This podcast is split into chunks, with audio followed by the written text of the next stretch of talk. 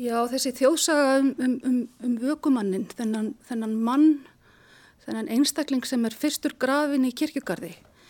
Er, sagan er til í þjóðsögum Jóns Otnarssonar og, og, og er þá sagt að sá sem er fyrstur grafin í kirkjugarði, hann sem drotnar ekki, heldur sem tekur á móti öllum sem að koma sem sagt í kjölfar viðkomandi í, í viðkomandi kirkjugarð og það er talað um sérstaklega vökumannin í, í, í kirkigarðunum á Gorðum á Altanasi og hann á helst að vera annarkort rauðklættur eða grænklættur og það, hann er illúðlegur og rauður í framann og er grafin út í hotni og það er enginn sem vil láta grafa sína nánustu nálagtunum.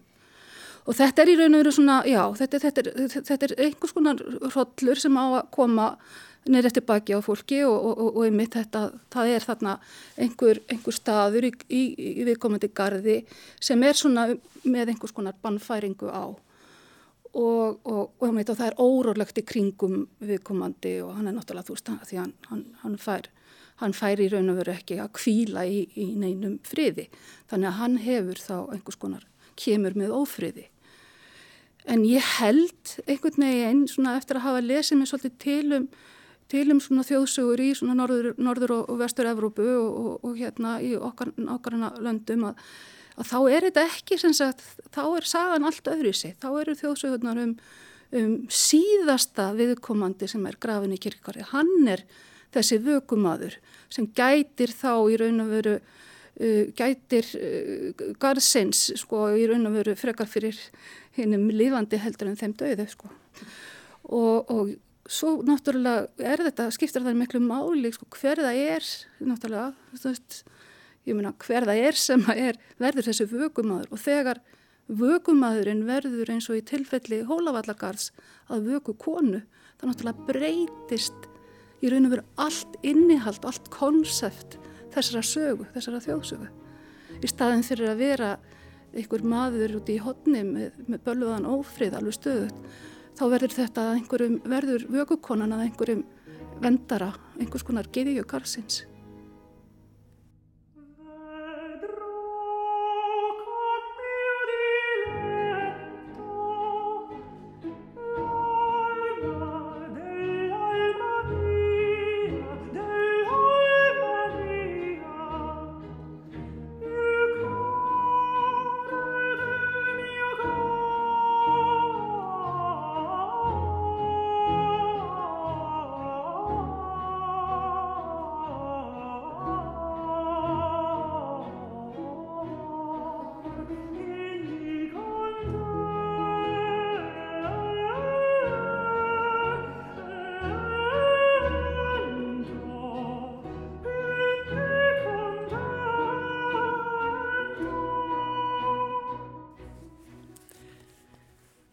gestabóði í dag sitja hjá mér Guðrún Ranveig Stefansdóttir og Sólveig Ólafsdóttir.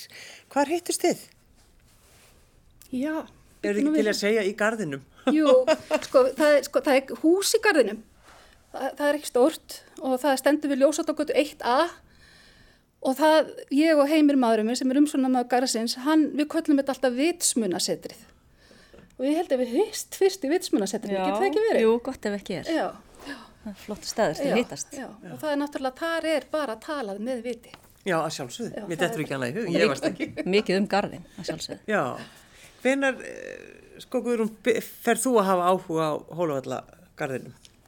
Ég bara mann eftir því bara frá því að ég var lítil að hafa gengið um hennan gard og hann hefur alltaf verið einhvern veginn sveipaður svona, svo mikillir dölúð og ég bara hef alltaf verið heitluð af því að ganga um kirkugarða bæði hérna heima á Erlendis og lesa grafskriftir og ég er bara ofsalega forvitin um sögu fólks og bara hef mikið áhuga á fólki. Þannig að mér er svo gaman að velta fyrir mér hver var þessi. Og þegar við lesum grafskriftir þá á gömlum leggsteinum eins og í, í Hólavallagarði þá er þetta rosalega oft það er einhver Sigurður Jónsson eða eitthvað svo leiðis kaupmaður eða eitthvað þannig. Og svo stendur oft bara og Guðrún Jónsdóttir kona hans. Já. og hann er jafnvel kaupmaður frá Hófi eða eitthvað svona flottum einhverjum stað og kannski eitthvað aðeins meirum mann jáfnvel en, en hún er alltaf kona hans Já. þannig að þetta svona ég fekk þessa hugmynd svolítið út frá því og svo sem sagt um vögukonuna sem er eins og Sólveig höfðu talað um þetta svolítið svona eins og hún er svona vendari, svona eins og ljósmóðir. Já, já. Hún tekur á móti öllum sem, að, sem að eftir henni koma í gardin og er ennþá að. Þetta er sko hérna vegna þess að hún talar um það og konan hans, hún getur, það eru meira segða hérna dæmi um það að nafni fylgja ekki með, að það bara sé Sigurður Jónsson Kaupmaður og konan hans Já, og nafni fylgir ekki með. Já. Eða hér kvilir ekkjan sem er náttúrulega í miklu uppáhaldi. Þú veist, auðmingja konan gerði aldrei neitt í lífinu annað en að vera ekkja mannsins sem hann bara vildi til að dó undan henni.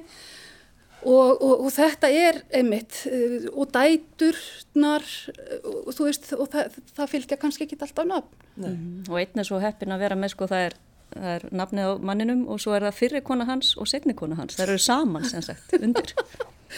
Og þetta er náttúrulega, þú veist, og þegar maður stillir í raun og veru bara svona, þú veist, sjónaukan á þetta sjónarhortn í gardinum, svona konur í gardinum, og þá náttúrulega bara opnast eins og alltaf bara nýr heimur og maður bara sér, sér bara einmitt, hérna, þetta, er, þetta er til dæmis eins og þegar að, að stein, á, á, á, á þessum stórkostlega hérna, bauta ekki steini heldur já, stykki sem er yfir Stengrim Jónssoni biskup sem að var sem sagt í raun og veru hérna biskup yfir Íslandi. Og ekki, ekki síður var það að konan hans hún var sko átti tvo biskupa en hennar er bara getið aftan á hérna á, á monumentinu og, og burknin hann vex alltaf yfir og sumri þannig að það sést ekki einu sinni Ósynileg. og það, hún, hún er sko, hún er algjörlega ósynileg Já. í garðinum og þetta er náttúrulega líka sko þegar maður hérna sér þetta að, að, að, að, og ég veit fyrir víst að það eru mjög mikið af þeim gröfum sem ekki eru með,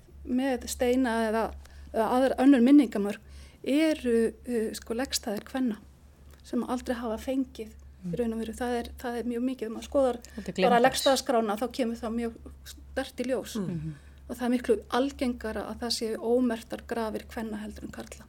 Þekkiði gardin mjög vel ef við byrjum bara á þér, Solveig. Eins og lófan á mér. Betur en eiginmannin. Já, sko, við hittumst þarna í gardinum, áhuga málin eru þar Já. og hérna þannig að, að hérna, þannig að þetta er, já, eftir, en það hann kemur, hann hættir aldrei að koma manni á óvart. Já, ég er sammála því. Það er alltaf eitthvað nýtt í hverjum einsta göngutúr. Já, Maður sem tekur að eftir. farið, Já, já. maður sér alltaf eitthvað stein. Alveg sama þú veist hvað maður er búin að lappa núna nokkra svona sögugöngur og svo bara sjálfur maður sér alltaf nýtt. En það sem akkurat þegar maður einmitt er með einhver, einhvern með sér, maður er að fara í göngutúr og þá allt í einu áðum að veita að þá er maður búin að skapa einhverja mynd og ímynda sér og af hverju dó barnið, uh, af hverju dó hann á undan, Já. alls konar pælingar. Og þetta er náttúrulega eins og ég segi, þú, þú getur ekkit gengið sko, um, um hverfi í Reykjavík og lesið sko, bara nöfnun ótittarahörðinni. Það er svona, væri, þú væri frekar, það væri, farið að hérna, ég láta vita á, á einhverju Facebook-grúpunni, það er einhver skrítin kona sem gengur um allt og lesa ótittarahörðina. En hérna, þetta getur þú gengið hreinlega um, um, um sko bara garðin, kirkugarðin og lesið einmitt það sem ég kalla nöfnun ótittarahörðinni. Já. Þú veist, það er þarna einmitt, þetta eru fjölskyldu grafreitir, það er, þú ferði einhvern veginn að velta fyrir þér sko aldri fólks þegar það deyr, einmitt samhengi á milli, af hverju kvílir þessi við hliðin og þessum? Og ég tala ekki um þegar þú finnur eitthvað, þú veist, þegar eitthvað kemur sem að í raun og veru svona dvekur áhugan eða forvitnina og þá náttúrulega ferði að skoða lengur. Og ég get alveg það að ég er svo mikið dellukettlinga að ég hef sko bara eitt alveg ómældum klukkustundum bara í það að reyna að finna út sko hver er hvað og hvernig og hvers vegna hann rataði þarna og hva, hvaða samhengi á milli veist, þess, þessarar mannesku og manneskjuna sem kvílir í sama reitt. Og kannski er það bara ekkert. Því þetta var bara svona óps óvart. Bara, En þannig að þið eru báðar svolítið svona sérstakar í þessu, þessu samhengi. Já. Því að sko, við þurfum alltaf ekki að skýra út hvernig þú ert svolítið. Nei, nei, það er bara eins, og- eins og þú ert. er eins og. En. Guðrún, uh, sko, hvaðan kemur þessi áhugið þinn og, og af hverju tekur þessi ákvörðuna að fara að semja ljóð Sko, og einhvern veginn að tala, já, Já, segja fyrir, fyrir þessar konur. Já. Sko það er skemmtilegt líka sem ég fór að hugsa núna vegna þess að hún er svolítið í staðreindunum. Já. Hún er að fletta upp fólki og, og svona kafa í, í sannleikan. En ég er meiri svona sveimhugi, ég geng um og fer bara svona spekulæra hver alltaf verið og, og fer að láta mig dett í hug einhverja drauma og minningar sem að einhver manneski hefur kannski haft. Já. Og mér finnst það svo auðvelt og þess vegna er þetta svo ljóðrætt staður og, og auðvelt að fá innblástur í, í gardinu. Þannig að þú hefur þarna eitthvað nöfn og þú hefur eitthvað takkmarkar upplýsingar og svo getur þú svolítið bara skáldað, skáldað út frá því og látið þið dreyma og, og hérna eins og ég segi þá kemur sveimhugin fram. Er það að tala um það að það sé ekkert ljóðrætt við staðrindi? Jú, það getur verið. Jú, sólum mín. en við svona nálgust þetta svo skemmtilega eins og bara sérst líka í bókinni sko. Við Já. erum svo skemmtilega ólíkar þó við séum með þetta sammeila áhugamál, garðinn og, og konunar. Þá hérna erum við með sko, þess vegna er Solveig með staðrindirnar og ég með draumana. Já, og í raun og veru kannski, eins og ég segi, sko, þetta er bara ein, ein, ein vittin, þetta er kannski fjórða vittin í, í gardinu, það er, það eru, það er skaldskapurinn. Og í staðin fyrir kannski, þú veist, að ganga á milli, sko, einhverja leiða uh, skálda og rittöfund og eitthvað svoleiðis heldur, þá er bara, er, er, er, er skaldskapurinn í eternum, er bara í loftinu. Og, og það er náttúrulega bara eins og ég segi, þegar þú ert komin inn í þennan, inn í svona gard, við tala nú ekki um bara þennan sérstaka gard sem er á, já, rammaður inn af þessum fallega, fallega vegg sem að einmitt á að fara að gera núna upp og, og, og, gera, gera, gera, gera hún undir góða og þá, þá ertu komin í annar stað. Þetta er bara, þetta er, þetta er, þetta er bara, þetta, þetta er annað rými og ef maður fyrir að tala svolítið svona fúkóísku og þá er þetta náttúrulega bara svona heterotópi, þetta er annað rými, það gilda allt aðra reglur og það eru allar óskrifaðar og þú veist og það er bara, þú veist, fólk gengur á sér, þú veist, einhvern veginn, uh, já, á sér einhvern, einhverja vegferði gegnum garðin og, og, og, og þetta, þú ert alltaf einhvern veginn þarna á þínum eigin fósendum, nema kannski einn maður sem að, já, ég er búin að vera gift í 31 ár sem náttúrulega hefur það bara atvinnusinni að vera í þessum garði. Og, og hérna, og svo sér maður náttúrulega líka í gegnum hans sko, hvað, hvað það er sem gerir þennan galdur því það er ekki eitt, það er allt. Þú veist, það er ekki bara fólki sem kvílir þarna og, og, og ættingjar þeirra og, og, og svo umhugsun sem að og, svo einhvern veginn já, umhyrða og umönnun sem að verður vitni að sko, að, frá, frá hérna bara fjölskyldum og kynnslóðum heldur líka þú veist það er þetta, er, þetta eru blóminn, þetta eru trén, þetta eru fugglalífið þó ég segi sko fugglalífið sé áhugaverðar heldur en kattalífið en, en það er bara þannig þetta er Spila fyrsta, já, þetta er Já. fyrsta uh, fyrsti staður þar sem maður vitað um að þrestir sem þetta voru með reyður í Reykjavík til dæmis. Og, og ykkur er alveg það fullt af einhverju einhverju sko, sérstökustu skrítnustu sveppum sem til eru og svo framvegis og framvegis. En þetta er, það er ekki eitt, það er allt sem saminar og kemur inn í þetta að garðurinn er þetta sérstakur en líka bara eins og til dæmis að gott dæma á menninganótt voru við þarna með, með göngu akkurat. og þegar það er brjálað að gera í Reykjavík og það er eitthvað verið að spila tónlist út um allt og fólk út um allt, þá ertu samt þarna inn í ykkur svona sóni Já. og þú ert þarna og það er bara ykkur ákveðin, það er annað hljóð og það er annur þögn og það er einhvern veginn bara annað andrumsloft. Þannig að þetta eru litirnir og, og já, bara, getur, það er ekki hægt að lýsa í einhvern veginn andrumsloftinu í garðinu. Hvaðan kemur þú, Guðrún? Hva, við hvað starfar þau? Ég er kennari, kenni framhaldsskóla. Vestlunarskólanum. Og hvenær byrjaður að semja ljóð? Ég byrjaði svona fyrir alvöru þegar ég fór í reitlist upp í HÍ núna fyrir nokkrum árum og þá byrjaði ég svona aðeins að fykta við ljóðagerð. Og komstu sjálfuð þér á óvart? Já, ég held að ég var meira svona í sögum, sem ég litla sögur, en svo fór ég, fór ég yfir í ljóð. Og mér finnst það bara rosalega skemmtilegt form og sérstaklega svona eins og, eins og ég gerir þarna, þetta eru, þetta eru svona fríljóð, þetta er frjálst, veist, ég er ekki bundin einhverju rými eða, eða einhverju sko, svoleiðis. já, þegar maður, les ljóðin þín og, og þá, þá er það fyrsta sem ég langar að vita, þú veist, hvernig gastu valið þessar, þessar konur? Hvernig gastu, þú veist, var það ekki bara svolítið erfitt? Jú, það kom svona smám saman. Ég byrjaði náttúrulega að velja Guðrún og ætlaði bara að skrifa um, um hana. Já. Þess að ég hefði heyrt um Sem er vökukona. Já, vöku kona Garsins, vegna þess að það er svo merkileg saga og merkilegt fyrirbæri. En síðan bara þegar maður fór að, að lappa um garðin og spá spekulera þá fór ég að, sagt, að hugsa um þetta með konurnar Já. og þeirra svona hlutskipti og, og hvað ætli þær hafi verið að gera í sínu lífi. Og þá langaði mig svo að bæta eins við svona rattir kvenna í garðinu. Mm. Þannig að úr því var þessi miðjukabli sem að ég er bara ekki síður ánað með heldur en kablanum um Guðrún Odds. Já, já. Þannig svona svolítið öðruvísi. Já, og í raun og veru þarna hjálpaði hún mér alveg óskaplega vegna þess að Sko ég hef, í, það eru nokkri hluti, nú hef ég búin að vera, eins og ég segja, hangandi utan í þessum gardi e, í, í svona um það byrjum 20 ári, eitthvað svo leiðis. Áður var ég bara svona einmitt, bara bjóð í næsta nákrenni og, og, og, og hérna, og einmitt bara gardinu var bara svona eitthvað, eitthvað sem að manni þótti væntum og gekk í gegnum og svo framvegis. En svo svona einhvern veginn eftir því sem að, að árin líða og maður fyrir einhvern veginn að, að, að hérna, einmitt, taka þetta kannski að gardin sem einhvers konar rannsóknarefni. Ég, ég gerði það fyrst þegar ég var í, í, í mistranámi í, í menningastjórnun upp á Bifröst.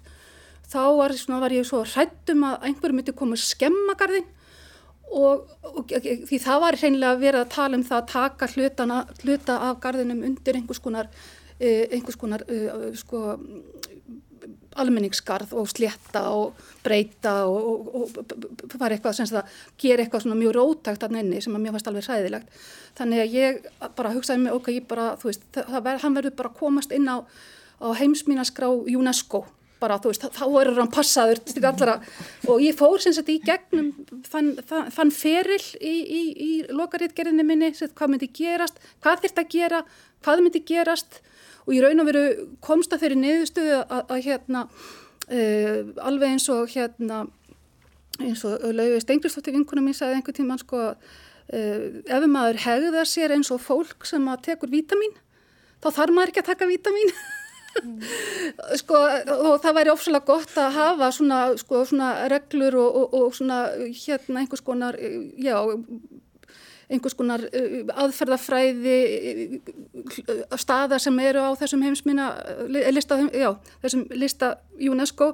En þú þurftir ekki að fara allar leið og fá eitthvað annað yfir þjóðilegt vald inn í gardin heldur bara læra að hegða sér eins og manneskja sem, sem tekur vitamin já. bara gera þetta alminnilega og það er náttúrulega kemur upp og það er kanónan um gardin, um Hólavallagarð er bók sem að Björn Hjá Björnsson skrifaði 1988 sem heitir Minningamörk í Hólavallagarði Hann náttúrulega fór alltaf með krakkana í listasögur, þar með mig á sínum tíma, út í gardin í göngutúr og þessi göngutúrar Björns voru náttúrulega stórkostleir því að hann var svo mikill sagnamaður.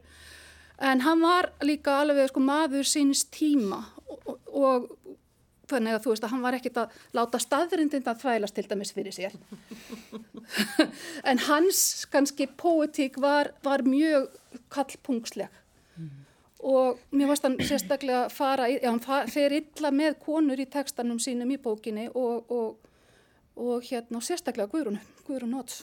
Já sérstaklega vökkunna. Og þannig að þegar, þegar Guðrún Rannveig kemur með nöfnu sína til mín og síni mér eh, ljóðabólkinn, þá var ég eins og ég hafði eignast sko samherja gegn Björn Bittni sem er lungu dáin en, en, en, en samt þú veist, hérna, nú getum við allavega sínt fram á það og þetta er, það þarf að, það þarf að bæta hérna ymmit hennar, hennar, hennar suðutskipti og, og arfleifð. En sko, stundu þegar maður, þegar maður að lesa ljóðin, ljóðin þín, þá veit, maður fær eiginlega bara kökk í hálsin uh, oft því að maður verður einhvern veginn bara veist, þetta er bara einhverjar formæður okkar. Bara, ég hef bara upplifað það mjög stert sko. mm -hmm. og til dæmis þegar maður les ljó, ljóðið þitt sem hún semur uh, sem að heitir Langþráð kvíld steinunar. Já. og þetta er náttúrulega bara saga sem að við megum aldrei gleyma. Steinun frá sjönda nei, Jésús minn við megum ekki gleyma henni. Og þú einmitt hérna semur hún tala við okkur eða, eða lætur hann að tala við okkur svolítið? Já Þetta er svona út frá því sem að maður hefur heyrt og lesið um hennar sögu. Já, ertu til í kannski að lesa það fyrir okkur? Já. Langþráð kvíld steinunar. Efst á skólaverðu holdi, langt frá þessum fína gardi, lágu bein mín berskjölduð fyrir vannþóknun mannana. Fundu sífælt meiri þunga frá litlum steinum, urðuða grári dís, þungu hlassi. Það er engin friður á fjölförnu holdi. Heila mannsæfi fyldist ég með, bæjarbúum ganga hjá, gefa mér ílt auga, hæðast að mér, hræðast mig. Hérna breyðir viðmoldin klæðin sín yfir útskúið bein. Næringarík, dökk, mjúk. Minnir á ilmina vorinu þegar allt er að lifna.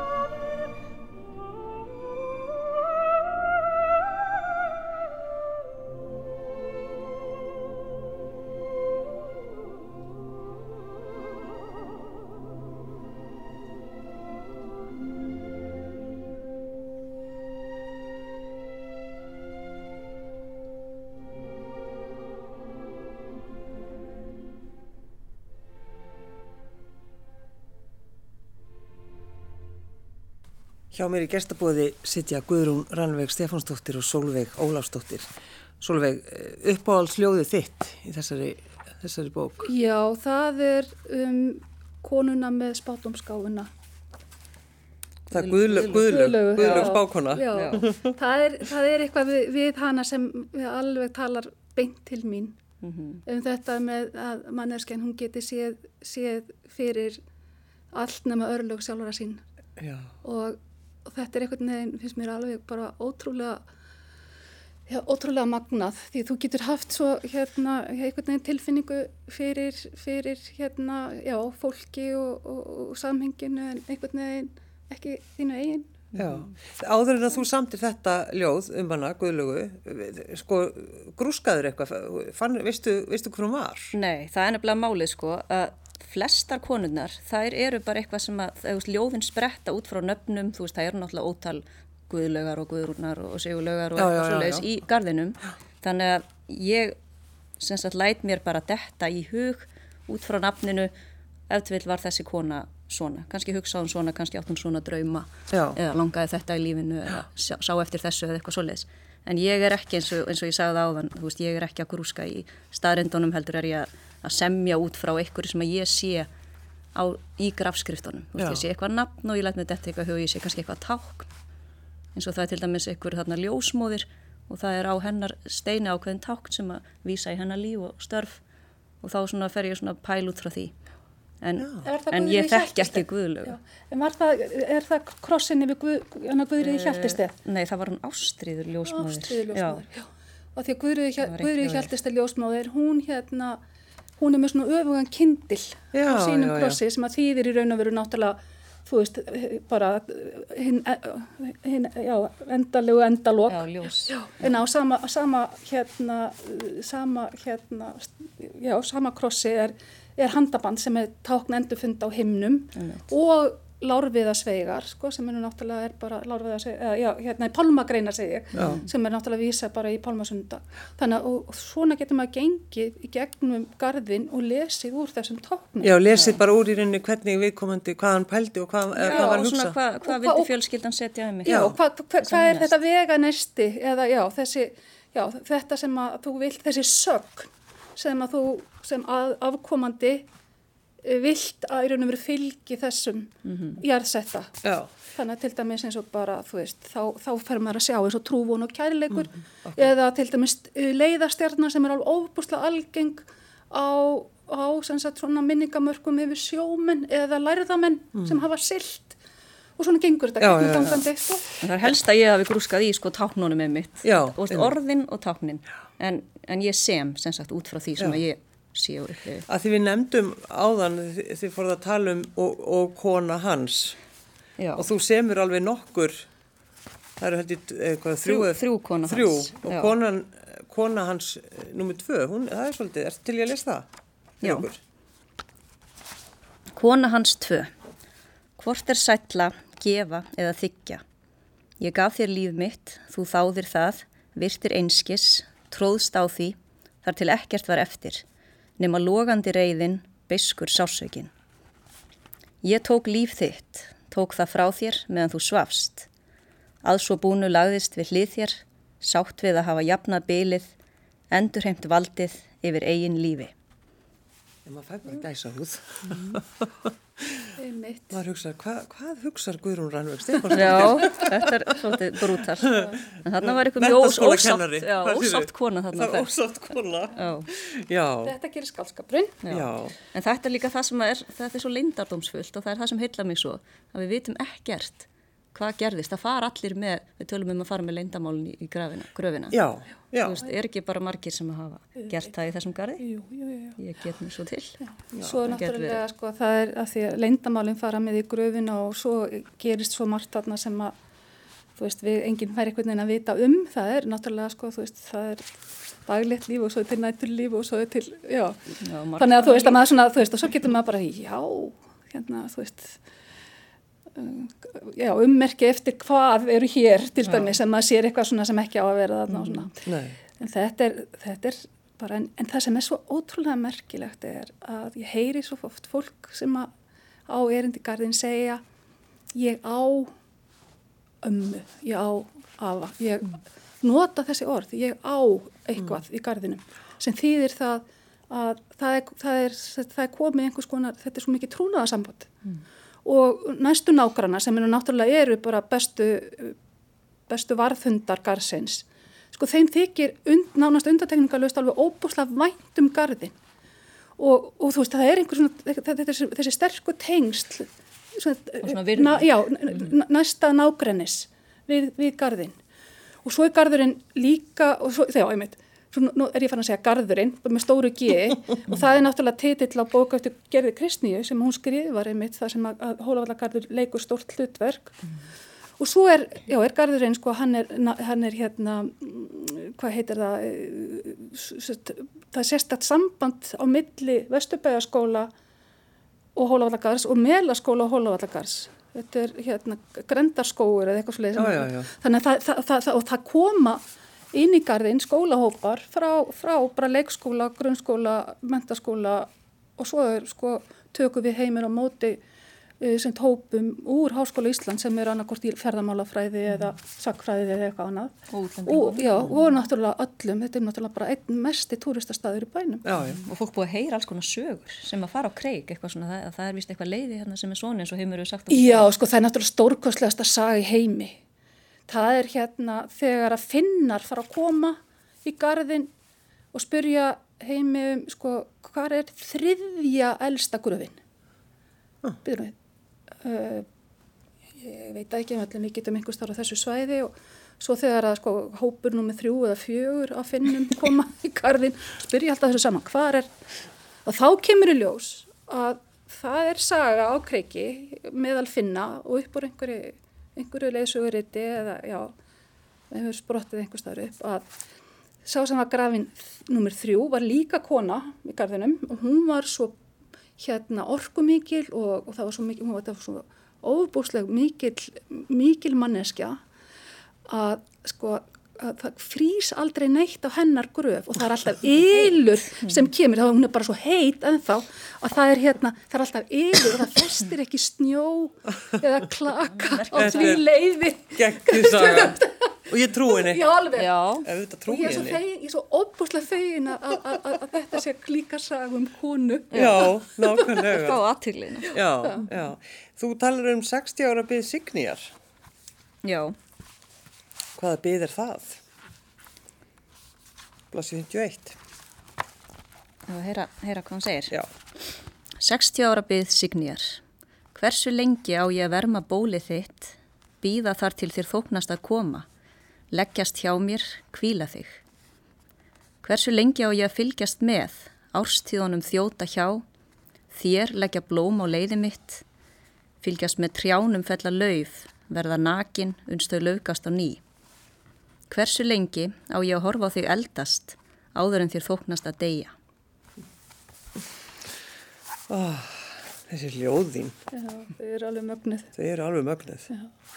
En eh, þegar þú uh, Guðrún ferða að, að, að sko pæla í vökukonunni og ferða svona grúska hvar, hvar byrjar að leita?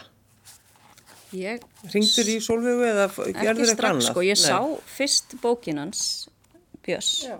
Og þar las ég fyrst um hana Já.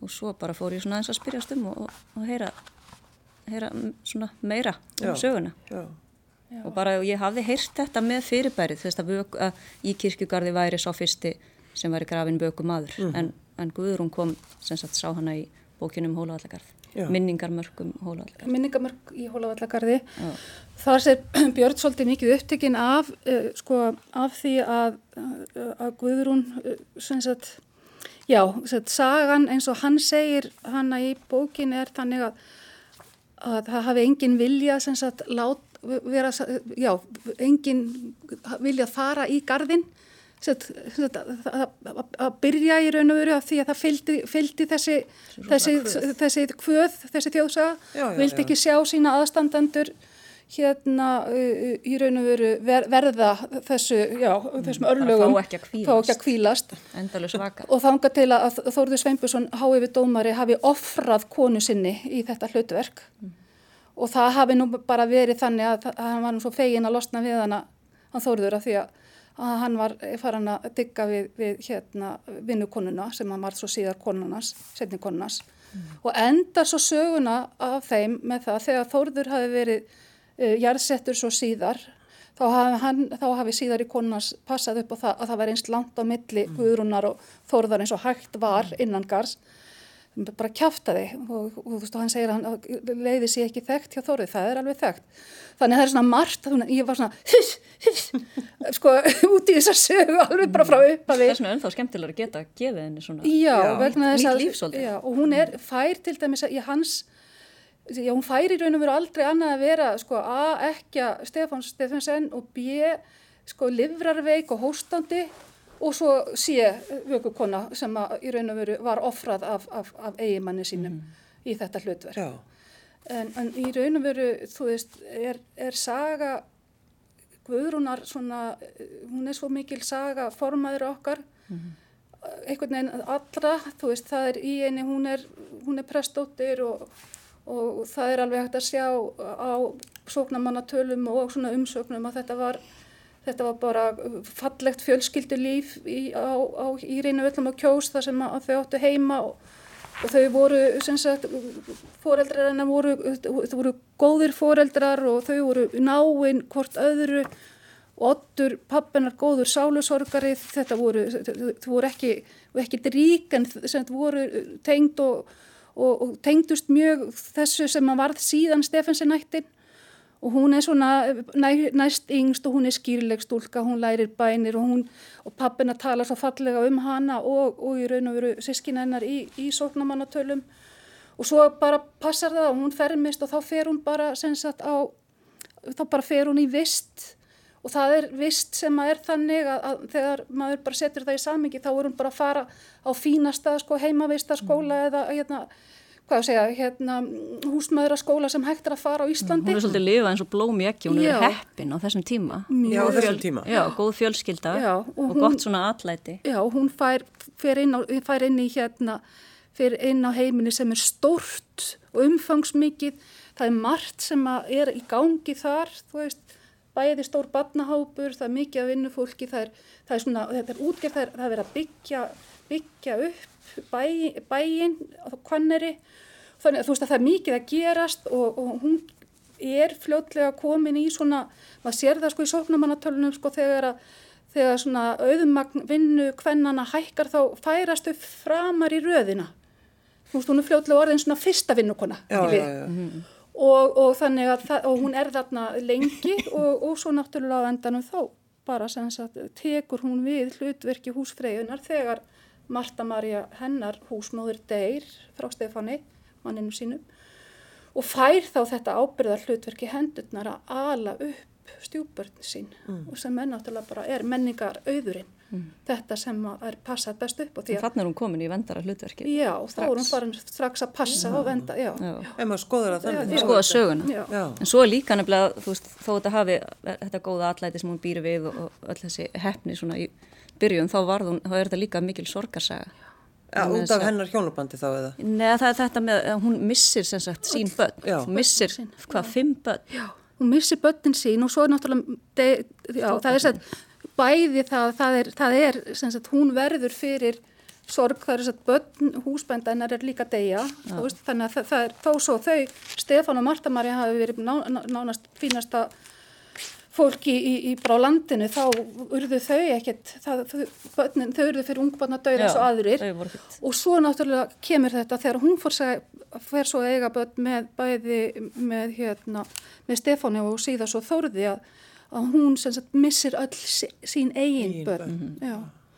og, og sko það er þetta er, þetta er þegar hérna, kom svo komið að Þórður sagt, er búin að missa öll sín börn og börn Guðrúnar þá bugast hann mm. og hún í raun og veru tekur svolítið sem aðsér að hugga honum mm. hugga hann, að koma honum í raun og veru aftur svona svolítið á svona, já, aftur á fætur mm. þannig að hún er þarna en, en, en hún hefur verið bara frábær manneskja Já, hún er góð. Sagan er svoleiðis. Já. Hún er líka var alveg rosalega góður kokkur Já, og hún er náttúrulega vera. náskild Rosalega flott Já, kona. hún er náskildir. Já, já. já. Vera. Öðrum, öðrum og sjötta bara. En hún hefur verið rosalega flott kona og haft allt en svo náttúrulega bara örlög hverna á þessum tíma þetta með að missa börnin sín og, og veistu, hún slapp ekkert við það. Nei, Og þarna missir hún sem sagt öll sín börn en svo fær hún þetta hlutskipti við, við dauðan að þurfa að vaka yfir einhverjum öðrum. já, Börnin hennar eru í einhverjum allt öðrum kirkjugarði, hún er ekki með þau hjá sér. Oft sér fólk svona fyrir sér með þetta með þú veist þegar maður heyri þetta, þetta orð vöku kona, við sjáum fyrir okkur konar svona yfirsetu konu, einhverju ljósmóður sem vakir yfir einhverjum. En hún, hún fær ekki að vaka yfir, yfir sínu fólki. nei. Hún er að vaka yfir öll, öllum mögulegum öðrum. Þannig að mér það líka einmitt við þetta hlutverk og þegar, þegar maður heyrði, heyrði þetta vöku konu hlutverk og þetta væri kona. Þegar maður fór að grúski sögunennar að hún hefði mist börnin sín og, og, og dáið tiltölulega ung. Já, sko, hún deyr, ég, sko, ég, ég, ég er svo hræðileg þegar að, að hérna, ég er að, sko, útgáfa, hérna, Björst Hjá var það, að hún væri alveg sko bara háaldruð. Þannig að ég Já, ákvað að hún væri sko. ung. En hún var, sem 50 og hún var 59 ára sko, en þetta var það já. ákveðin aldur og hún er náttúrulega eldri heldur en Þórður og allt það og Þórður átti eftir að giftast og eiga börn og afkomendur og, og það er ættbói, stór ættbói komin á honum. eitt sem maður notaði þarna hugarvíl. Og maður tók því svolítið sem bara að deyja úr sorg. Já, Þó hún hafi náttúrulega verið með eitthvað, eitthvað líka sko, Já. þá hefur hún örgulega verið alveg ofsalega sorgmætt. það er rosalega lýsingar á því að hún sko þegar hún var orðin veik og þau eru flutt á Nes á Seltjörn, þannig að hann, er, hann hættir að vera síslumæður og tekur við þessu hérna, yfir dómarembætti og þau flytja sem sagt í þetta merkilega steinhús á Nesi og ég reyna að það sem að mér finnst í rauninu merkilegt að hún býr þar í húsi þar sem að er sko, var aðsettur fyrsta lækninsins og fyrsta lifjafræðingsins og svo bara og svo er hún bara veik Já. hún liggur þarna í, í einhver, einhver, einhver tíma alveg allavega meir en ár þar sem hún er bara hún er bara sem sagt í rúmunu og hún, það er svo ljótur í henni hústin og það fylgir þú veist það fylgir henni þú veist það að hún hafi sko það var með svo ljótan hósta Já, þannig að það er Það í er þessu eitthvað svona þú veist það, það, hún, já, hún var veik og hún var lengi veik veginn. En, en hvernig gekk þér að, að semja ljóð uh, í kringum hana? Mér fannst það ganga vel að því ég tók svolítið bara upphafið, þú veist, þegar garðinu var vígður og þegar hún var grafin hann að fyrst manna, Já, þá voru til einhverja lýsingar á, á þeirri aðtöfn og þá svona fór ég bara að spyrna fyrstu ljóðin svona svolítið út frá því með uh, hvernig aðtöfnin var og það átti að hafa verið svo mikið af fólki og sem fylgdi henni að þetta var svo fallegt og það var verið að víja garðinu um leið og, og veðri var svona og svona, þannig að það var svona aðeins hægt að, hægt að lesa um það. Já. og þá náttúrulega getur maður að fengja innblástur frá sögunni. Ég verði samt að segja ykkur eitt stelpur. Að hérna sakfræðingurinn er stundum svolítið lengi að setja saman tvo, tvo þú veist, leggja saman og, og ég, hérna, já, ég væri hérna með tvær aðskildar sko, heimildir um einmitt nákvæmlega sem sagt útföruna og það er sem sagt annars vegar úr sjálfsæfisugu Þórða Sveinbjörnssonar þar sem hann skrifar og segir náttúrulega svo fallega frá því þegar að konunas var jörðuð. Og það hafi verið næstu í 2000 manns á, á hérna bara viðstættir en það voru ekkit sko hann hefði þurft að fara í sko alnsi marga marga síslu til að ná þeim, þeim hérna mannfjölda saman í Reykjavík ég sagði, já, en þannig að svo sunnanpósturinn, hann segir líka svolítið, það, þar byrtist eftirmælin eða grafskriftin ennar og, og það er svona að það talað um emitt, um útföruna, hvað hún hafi verið virðuleg og hvað hafi verið margir og svo framvist. Þannig að allavega tvær svona, tvær heimildir sem að, já, býsa til þess að þetta hefði nú kannski bara líklega verið svona. En vitið þið hver var reitstjóri sunnanpósins akkurat á þessum tíma? Nema Þórður Sveinbjörnsson sjálfur. Mm. Þannig að skrifaði báða textana. Já. Svona er þessar heimildir sko. Það er náttúrulega ótrúlegt. En sko, með þetta, þið gefið, þið, þessi bók kemur út og þið eru báðar hérna að skrifa um þetta. Hvernig sko, hvernig hefur verið, hefur henni verið tekið? Guðrún?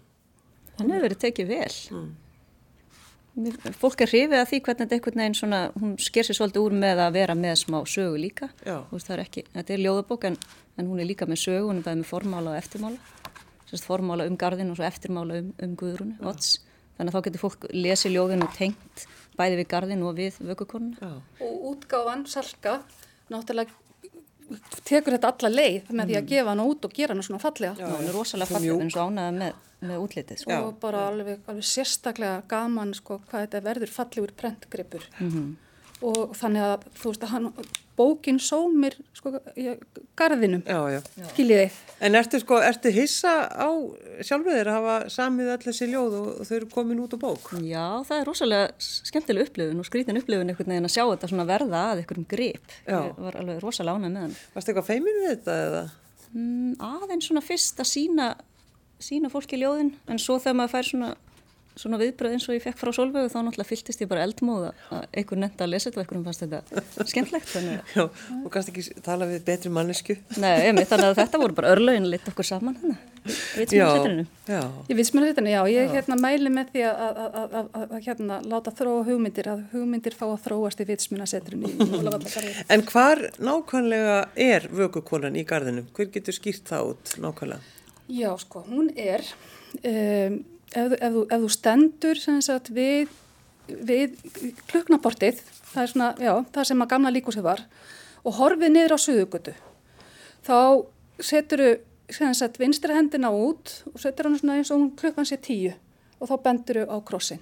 Og þetta er mjög auðvilt að finna þetta því að á leiði vökukonunar er alveg ótrúlega fallegur og myndalegur játnkross og með þessari fallegu tákmynd sem er, er, er, er í raun og veru svona alladínlampi svona mm. lampi og, já, og þetta er, þetta er eldforn tákn fyrir vökumann eða vökukonuna og, og svo er sagt, nafnið hennar á þessum er á þessum krossi og, og áleiturinn snýr út á sögugötu þannig að maður þarf að fara fyrir, mm. fyrir krossin til að sjá áleiturinn Hva, Hvað stendur á krossinum? Það, það stendur heilmikið. Já, það stendur heilmikið. Það, það er ekkert aðeins í bókinu eitthvað. Já, það er allavega, hún er sko, hún er bæði og hann er upp á dönsku þannig að þetta hefur verið pantaðu kross. Já, þetta er grafskriftin en á, á krossinu sjálfum held ég að standi Guðrún Sveinbjörnsen og dánardagurinn 23. november 1838. Mm. Mm. Það er ekki svona eins og, sko, er ekki, það er ekki heil grafskrift á, á krossinum eins og, eins og uh, var ofta á svona steinum, mm. leggsteinum sem voru á þessum tíma þá voru þeir, svona, voru þeir láréttir en, en, en, en þetta er svona uppistandan og hefur verið ótrúlega mikið svona mónument að sjá, ef maður verður að hugsa sko Uh, garðin eins og hann var kannski ymmit áratvíina eftir að, Guðrúnar er, er, er, er, grafin að þá er náttúrulega engin tré og, og engin almeinlegu veggur og, mm. og, og þessi kross blasir við bara úr bænum þannig að þú sér þann og svo í raun og veru kemur næsta mónument það er bara yfir Jón Sigursson mm. En þetta er sko, er, er þetta sem stendur á, sko, uh, hér eru lagðar leifar, döðlegar? Nei, þetta er, þetta er svo kvöldur grafskrift. Þetta er grafskriftin, já. já. En uh, að lokum þá væri svolítið gaman að fá kannski einhver af, einhver af ljóðunum þar sem þú ert að leiða okkur svona komast inn í hugarheim Guðrúnar. Guðrúnar, vökukonunar í Hólavallagarði Já, spurning hvort ég fari kannski bara hérna í, í, í þriðja hlutan, setni hlutan hennar Guðrúnar. Ég er sem að lesa hérna samrunni við jörðu. Verða eitt með náttúrunni hverfa í jörðu, vera á himnum. Æðar mínar í trjánum blóð mitt greift í grjótið minningar mínar í mósanum. Tár mín renna saman við regndrópa himins sem hóla steinin. Vakandi. Vakandi meðan aðrir sofa. Vakandi á fótum meðan hinir kvíla lúin bein. Vakandi býð meðan næturnar líða, meðan dagarnir hverfa, meðan árin leysast upp, verða af dufti tímans. Guðrún Rannveig Stefansdóttir og Solveig Ólafsdóttir. Takk fyrir að koma í gestabóð. Takk fyrir.